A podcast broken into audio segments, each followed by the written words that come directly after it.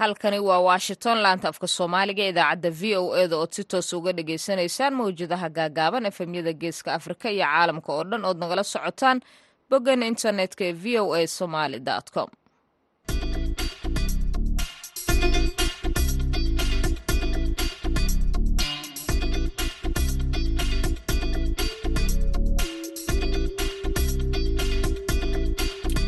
duhur wanaagsan dhegaystayaal dhammaantiinba waa maalin isniina nofembarna waa koob iyo labaatan sannadka labada kun iyo labaiyo labaatanka. Idaacadda duhurnimo ee barnaamijka dhallinyaradana waxaa idinla socodsiin doontaa anigoo ah sahre cabdi axmed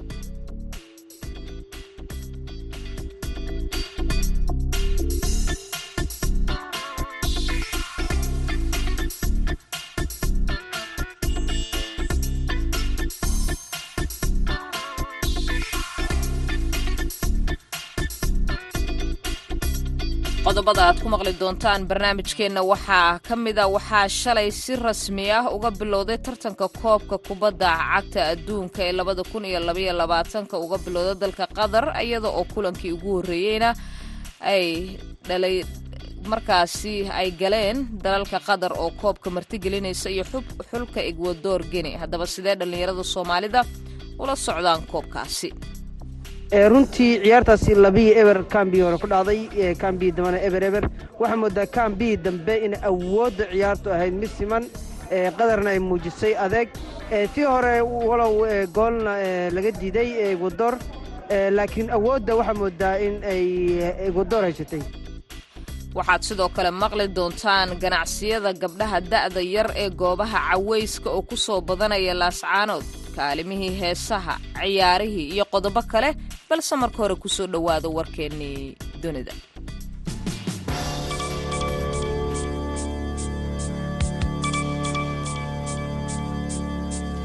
Madaxweynaha dalka faransiiska emmanuel makhon ayaa ku eedeeyey ruushka inuu ka wado dalalka afrika gudahooda.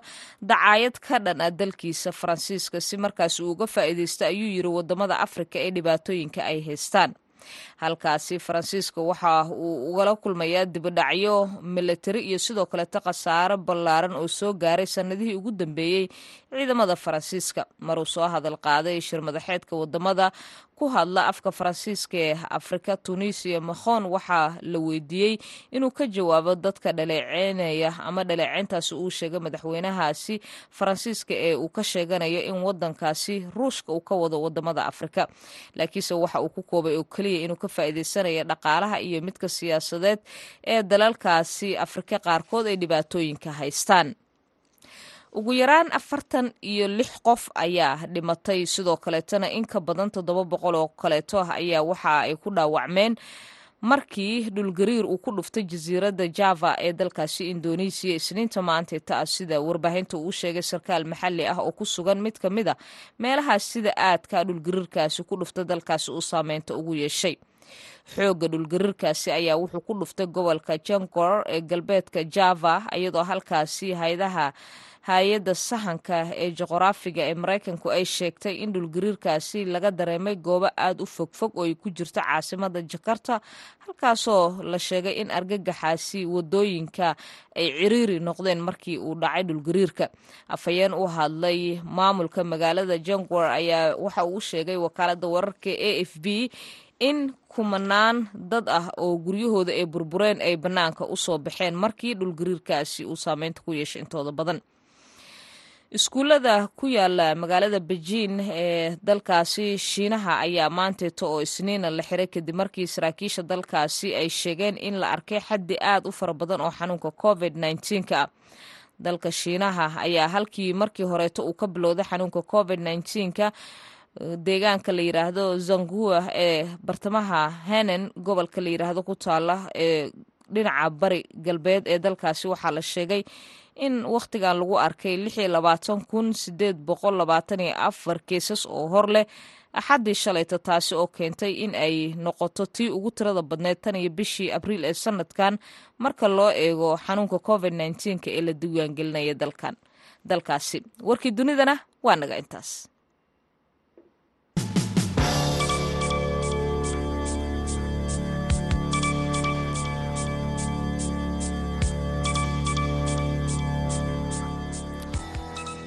duhur wanaagsan xaggiina dhegaystayaal. Halkaasi aad nagala socotaanna waa idaacadda duhurnimo ee laanta afka soomaaliga ee v o e da aan ku bilownay dalka qatar waxaa si rasmiya shalay uga bilowday koobka kubadda cagta adduunka ee afartii sanaba mar la qabto. Sanadkan oo kulankii ugu horreeyey ay dhacayaan waxa uu dhex maray markii ugu horreysay kooxaha qatar iyo sidoo kale egwador qatar ayaa looga badiyey saddex iyo eber halka qatar looga awood roonaaday ciyaartaasi dhalinyaro fara badan oo soomaaliyeed ayaa haddaba waxay ciyaarahaasi kala socdaan shaashadaha caalamka. Wariyaha v o eda magaalada boosaaso yuusuf maxamuud yuusuf ayaa la kulmay qaar ka mida dhalinyaradaasi kadibna ciyaartaasi markii ay dhammaatay waxa uu weydiiyey siday u arkaan koobkani iyo kooxaha sanadkan ay kala taageersan yihiin dhalinyarada bismillaahi raxmaan raxiim magacay waa maxamuud yuusuf cali boos. Caawa waxaan daawanay runtii oona ku nool boosaaso. Caawa waxaan daawanay laba kooxood runtii ciyaar qurux badan soo bandhigeen. Walow aniga waxa weeye qaranka aan taageeraya caaway ay tahay egwador waxaana ku faraxsanahay inay yacni xulka yacni guul gaaraan egwador aniga laakiin qarankayga aan wato koobka adduunka haddii aan sheego waa argentiin leon wataa leo misi koobka adduunka ee laba kun iyo sideed iyo tobankii iyo sanadkan maxay ku kala duwan yihiin baa lais ohan karaa maxamed boos? Wallaahi isbeddel badan baa ka muuqda sida mataqaanaa teknolojiyada kaamerooyinka iyo waddanka carbeed oo waddan islaama ay tahay. Yacni saasay ku kala duwan yihiin yacni isbeddel taas weeyaan. Bismillahi raxmaan raxiim magacayga waa axmed maxamed axmed ku nool magaalada boosaaso runtii caaway ciyaarta lagu furaayey koobka adduunka ee ee ka dhacaysa dalka qatar. Waxaa ahayd ciyaar aad u wanaagsan anigu taageer ahaan waxaan taageersanaa xulka qatar maadaama uu ciyaarayay ciyaaryahan soomaali asal ahaan ka soo jeeda ama abiyi ka soo jeeday. Runtii ciyaartaasi labii eber kambii hore ku dhacday kambii dambana eber eber. Waxaa moodaa kambii dambe in awoodda ciyaartu ahayd mid siman qadarna ay muujisay adeeg tii hore walow goolna laga diiday egwador laakiin awoodda waxaa moodaa in ay egwador haysatay. Marka ciyaartani caawa waxayd ciyaar runtii daawasho mudan bay ahayd. Waaya marka laga yimaado kulanka caawa qatar iyo egwador koobka adduunka iyo kooxda taageeraysa axmed? Runtii koobka adduunka anigu caadihinba dhowrka sano ugu dambeysay. Waxaan taageerayay dalka argentiin oo ciyaaryahan leon misi oo aan taageero u ahay oo marka laga yimaado leon misi waxaa jiray talyaaniga taageeri jiray laakiin boloteli ayaan ku taageeri jiray boloteli maadaama laga reebay. Waxaan si toos ugu wareegay dalka argentiin. Sanadkana koobka waxaa aaminsanaya in argentiin iyo baraaziil isu imaan doonaan haddii aysan nag awtka isku dhicin. Laakiin waxaan aaminsanahay labada dal ee latin america in midkood uu koobka qaadi doono haddii la yidhahdo bismillahi raxmaan raxiim magacayga waa cawl jaamac xasan ee ku magac dheer xaajiga haddaan ka sheekeeyo dareenkayga ciyaartii caawa ee lagu furay koobkii qatar wuxuu ahaa ciyaar la wada sugayey wejigii ay lahaydna weji ka duwan la soo baxday. Fikriyan anugu dadka waxaan ahaa taageersan qadar wareegga ama siddeeddaa lagu reebaya laakiin sida ii muuqata. Xaafadda aan deganay laanta hawada kama ciyaar fiicnayn qadartaan arkayo oo lahaa toban sanaa la diyaarinayay. Meesha waxbaba kama muuqanba. Waxaan u malaynayaa lacag baa ragga laga cunayay waxba looma qaban wax ay soo bandhigeen iyo ciyaar ay la yimaadeen. Gaban la yidhi aabbihiisa soomaaliya u ciyaari jiraa ugu roonaa. Isaguna inkastoo uu markii dambe iska biyo yareeyeyo aad moodaaba inay ahayd buuxiisaba kaambiyada hore uu soo laqay. Kii garabka lagu dhuftaaba dhulku yaalla aniga waxba ima dhaamin. Waxaa moodaa koo iyo toban anigoo kalea inay qadar u ciyaaraysay egwador waa diyaarsanaayeen nima dhisan oo body balance ile kubaddana sideeda waxaa lagu ciyaaraa. Waa lug iyo garab nimankaas garabna waa ka dhisnaayeen lugna waa ka dhisnaayeen. Tim wog wax la yidhaha jira isku xirnaansho. Waxaan odhan karnaa qadar waxaa ka maqnaa isku xirnaanshii dhan baaba ka maqnaaba. Ninka ugu fiican ninka la mardiyashaa xirana kabtaka abuu ahaa. Waay qorshaha marka koobka adduunka intuu socdo? Talyaani baan taageerayey laakiin sidaa hadday tahay kuwaan aslaha qaado oo caawa qadar iyana been bay ii sheegeen. Laakiin argentintiidaan iska aaminayaa wiilkaa gaabanee goodka ah baan iska aaminayaa oo leono misi isaguun bay ku hadhay waxaana jeclahay. Hadday suurtagal tahay ninka waa dhoweyd codadka laga hayay ronaaldaha finaal inay isugu yimaadaan. Bal labada good la kala reebo halka ay ku kala haraan. Ronaldo ninka waa ka hari waayey aad iyo aad ayuu mahadsan yahay wariyaha v o eda magaalada boosaaso yuusuf maxamuud yuusuf oo dhallinyarada magaaladaasi mikrofoonka la dhex qaaday. Arrimaha la xiriira koobka kubadda cagta caalamka ciyaarahaasi ka socda dalka qatar ayuu kaasi ahaa. Markana dhinacii heesaha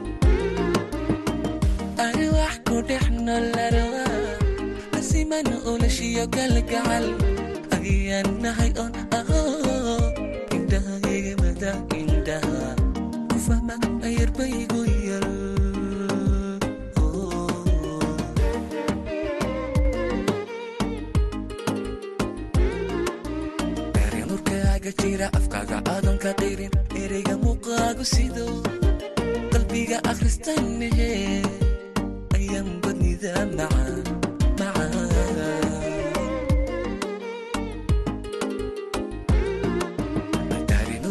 nurkaaga jira afkaaga aadan ka qirin ereyga muuqaagu sido qalbiga akhristanhe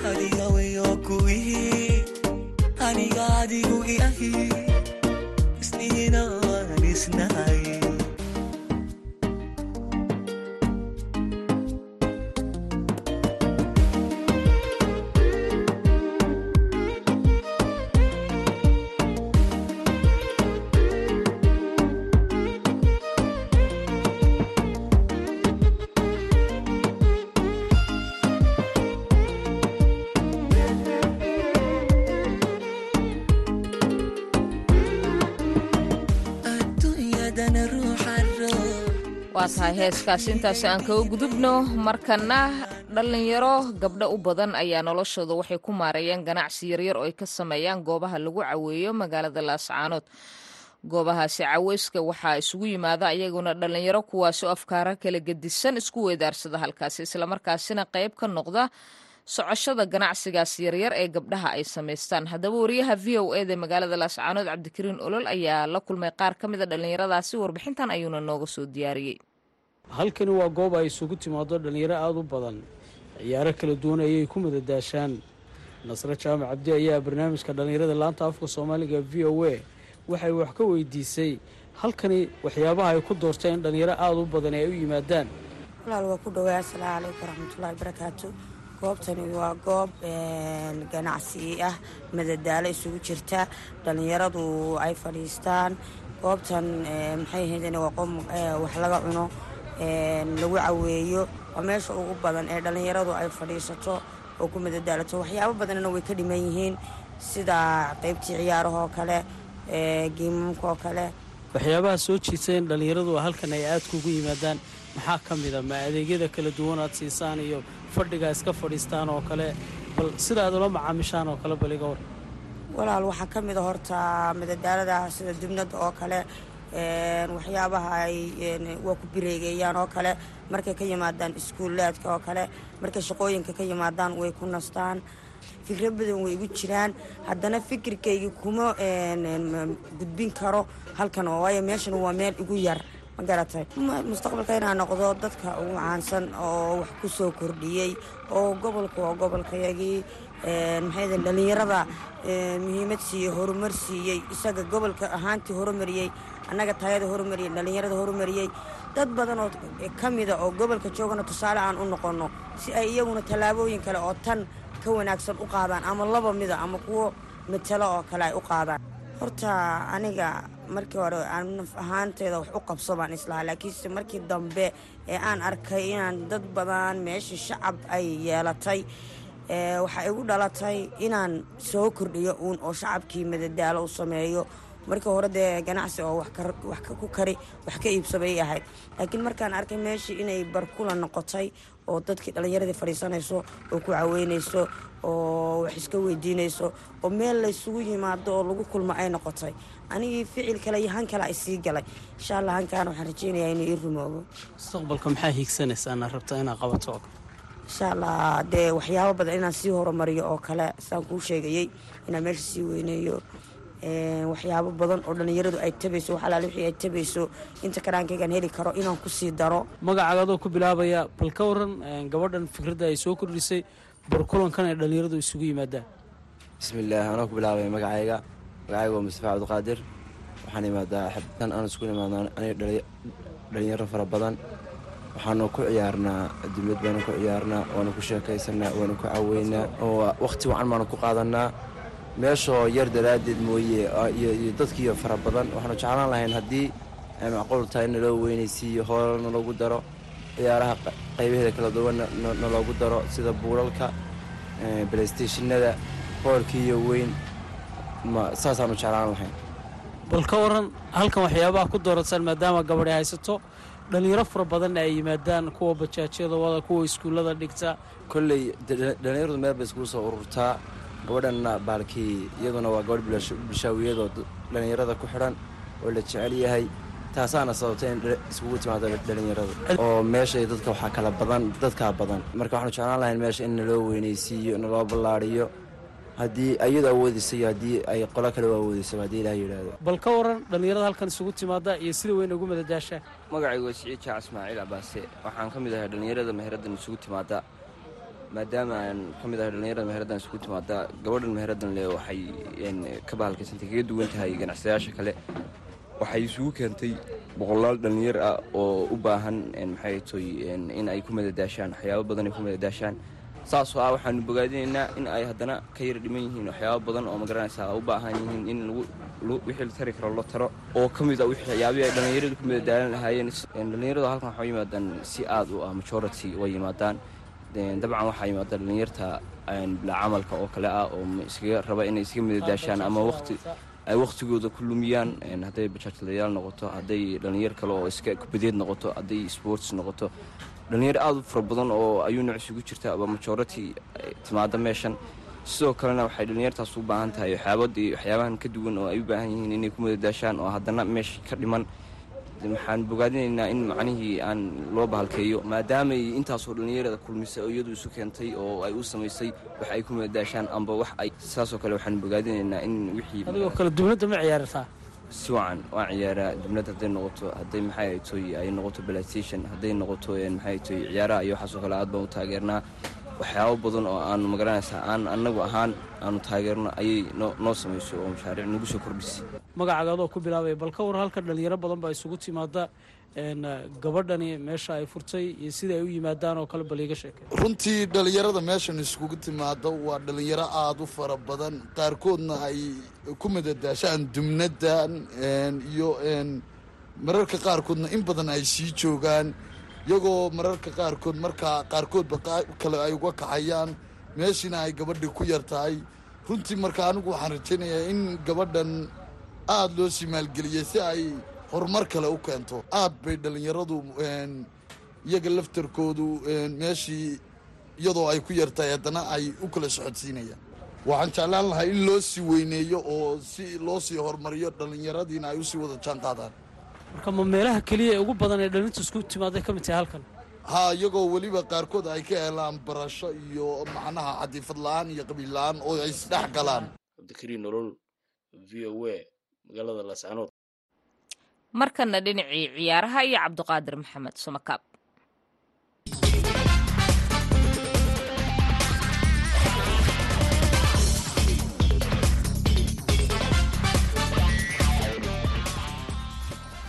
kulanti wanaagsan dhegaystayaal ku soo dhowaada xubinteennii cayaaraha. Aan ku bilownay dhegaystayaal toddobaadkan waxaa la ciyaaray qaar ka mid a horyaalada kala duwan ee caalamka oo hakad la geliyey ilaa laga soo laabto koobka adduunka oo toddobaadka dambe ka furmaya dalka qatar haddii aan ku horeyno horyaalka siraaga ee dalka talyaaniga kooxda yuventus ayaa xalay guul saddex iyo ebera ka gaartay kooxda lazio. Ac milan oo horyaalka difaacanaysana labaiyo hal ayay uga badisay fiorentina. Inter milanna saddex iyo laba ayay uga badisay kooxda atlanta laakiin kooxda roma ayaa taa ka kala kulantay kooxda torino.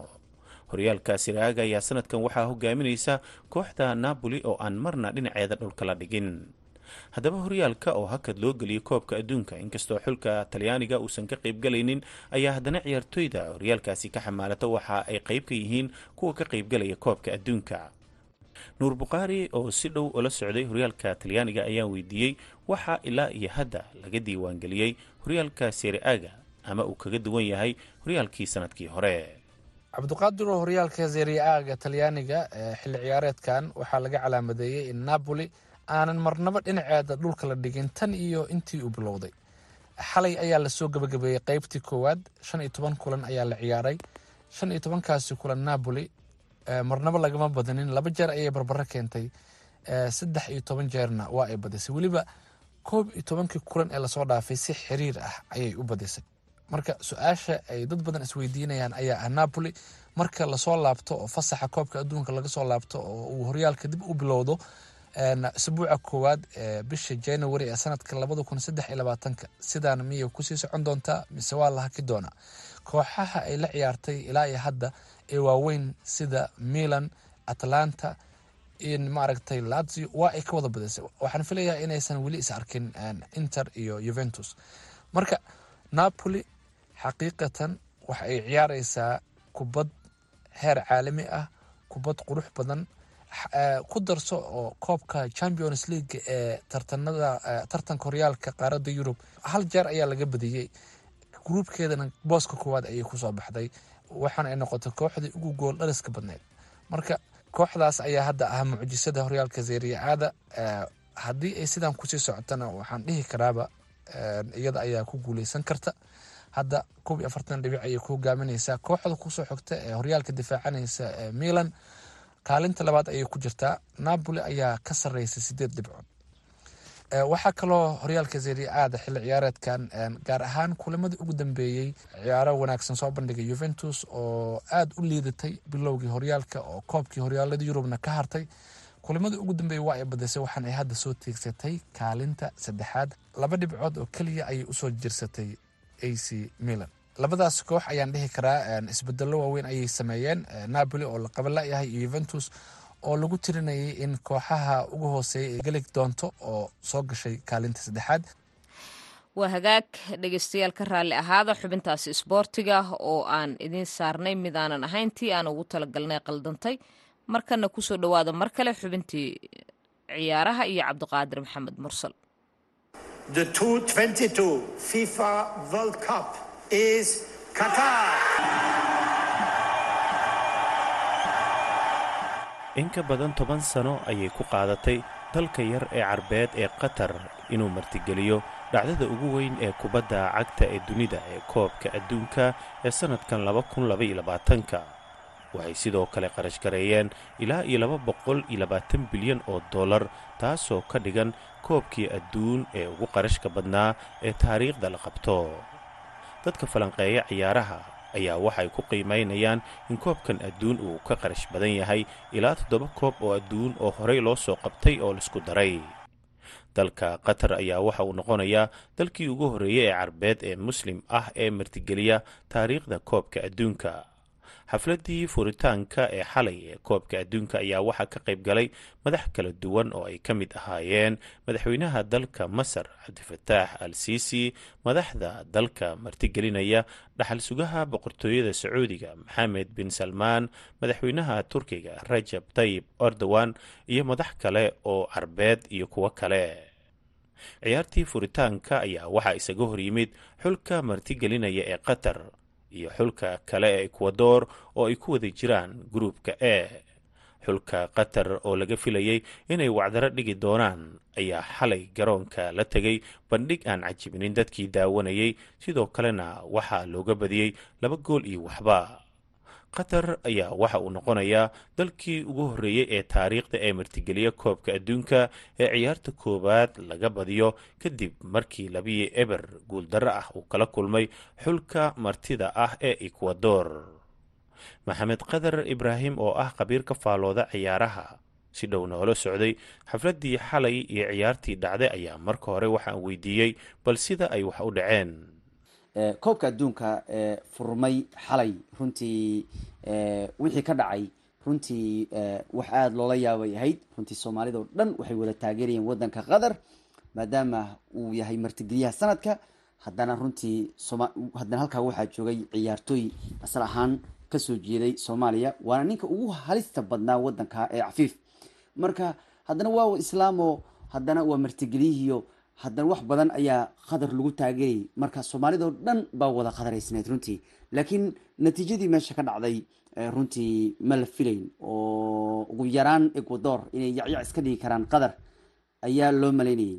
Laakiin qatar runtii inkastoo gool fiican ay soo mareen fursadoo kama faa'iideysan laakiin ciyaartooga caalamiga ah ee waddanka ecuador valencia ayaa runtii ahaa ninka laba ka kala dhigay waddanka kan martigeliyaha qatar oo waddankiisi lagu ciyaarayay runtii. Kooxda qaranka ee qatar xalay waxay dhigteen rikoor yaab leh waxay noqdeen dalkii ugu horreeyey ee ciyaarta furitaanka laga badiyo oo martigelinaya koobka adduunka. Bandhig liitana garoonka ay la tageen. Marka maxaa u sababa ayaad is leedahay ee guuldaradii soo gaartay xalay guuldaradan waxaa sabab u ahaa qatar markii horeba halkan kumaan imaanin inay tartan soo mareen isreeb soo mareen. Inkastoo yihiin iyagu championska asia ay ku soo guuleysteen koobkii asia laakiin championska asia awood dhan uma muuqan inay isaga yani kaga hortagaan nimanka ecuadora iyagoo championskii asia ah. Haddana uma muuqan inay ficnaayeen ciyaartooda ay la ciyaareen ecuador oo qatar waa martigeli marba ma soo mareen isaga wax dhibaato ah oo booskan si toos ayuu ku yimaaday waa gartay. Maxamed qadarow waxyaabihii aad ka aragtay koobkan adduunka iyo furitaankiisaba ee uu kaga duwanaa koobabkii hore maxaa ka mid a waxyaabahan ka aragnay furitaanka koobka adduunka waxay ahayd runtii dhacdada tan in si weyn loosoo diyaargaro yani loogu soo diyaar garoobay inkastoo waddamada yani yurubta iyo ay aada u cambaareynayaan tartanka qatar ka furmay. Lakiin waxaad arkeysa qatar si fiican in sanadkan ay u soo diyaarisay tartanka adduunka. Weliba koobkan adduunka waxaa la sheegayaa in lacagihii lagu bixiyey amaba loogu diyaar garoobay koobkii dunida ee horey loo soo dhigi jiray sida kii brazil ka dhacay waxaa la leeyahay ka dhaqaalaha ugu badan lagu bixiy wuxuu ahaa nimankan carabeed ee qatar. Kii ay ciyaarayeen laakiin ciyaartoodii iyo waxqabadkoodii tobanka sane la soo dhaafay ismanu lahayn. Balse soomaali waxay tidhahdaa ciyaar waa geli dambeo weli qatar inay bahashu dib u soo celiso oo ay soo rogaal celiyaan ayaa la rajeynaya. Weliba sabakaabow ciyaarahan waxay xiise u leeyihiin waa ciyaartooy badan ayaa age ah oo da-dooda gabagaba tahay sida messi iyo cristiano ronaldo. Benzim ciyaarihii dunida dhaawac uga harayba. Raggaas waxay doonayaan fursadoodii ugu dambeysa koobka adduunka inay wax ku guulaystaan maadaama afar sano kadib ayan awoodi karin in ciyaarahan ay ciyaaraan. Sidoo kale koobkan adduunku waxaa yaab inaan garoomada wax khamriya lagu cabayn oo dowladda qatar maadaama waddan islaam yahay waxay yidhahdeen laguma cabi karo wax khamriga garoomada iyadoo madaxweynaha fifa ee dunidana uu sheegay in midaas ay u hogaansamaan shuqulada. Wuxuu leeyahy saddex saacadood oo garoon aad ku jirtaan qamri cabin ma dhimanaysaan. Aad ayuu mahadsan yahay kaasi waxa uu ahaa maxamed qadar ibraahim oo qadka telefoonka iigu warramayey kulamo kale oo ka tirsan koobka adduunka ayaa maanta la ciyaarayaa waxaana ka mid a kan u dhexeeya xulalka ingiriiska iyo iiraan. Xulka dalkan maraykankana waxa ay la ciyaari doonaan xulka weles halka netherland ay la ciyaari doonto xulka senegal oo uu ka maqan yahay xidigooda weyn ee sadio mane wararkeennii cayaarahana waa naga intaa. Cabdiqaadir maxamed mursal aad iyo aad ayuu mahadsan yahay. Xubintaasi ciyaaraha isaga ayaa nala socodsiinaya. Dhegeystayaal guud ahaana waxay u dambeysay idaacaddeenii barnaamijka dhallinyarada. Maanta intaynu mar kale kulmi doonno nabadgelyo.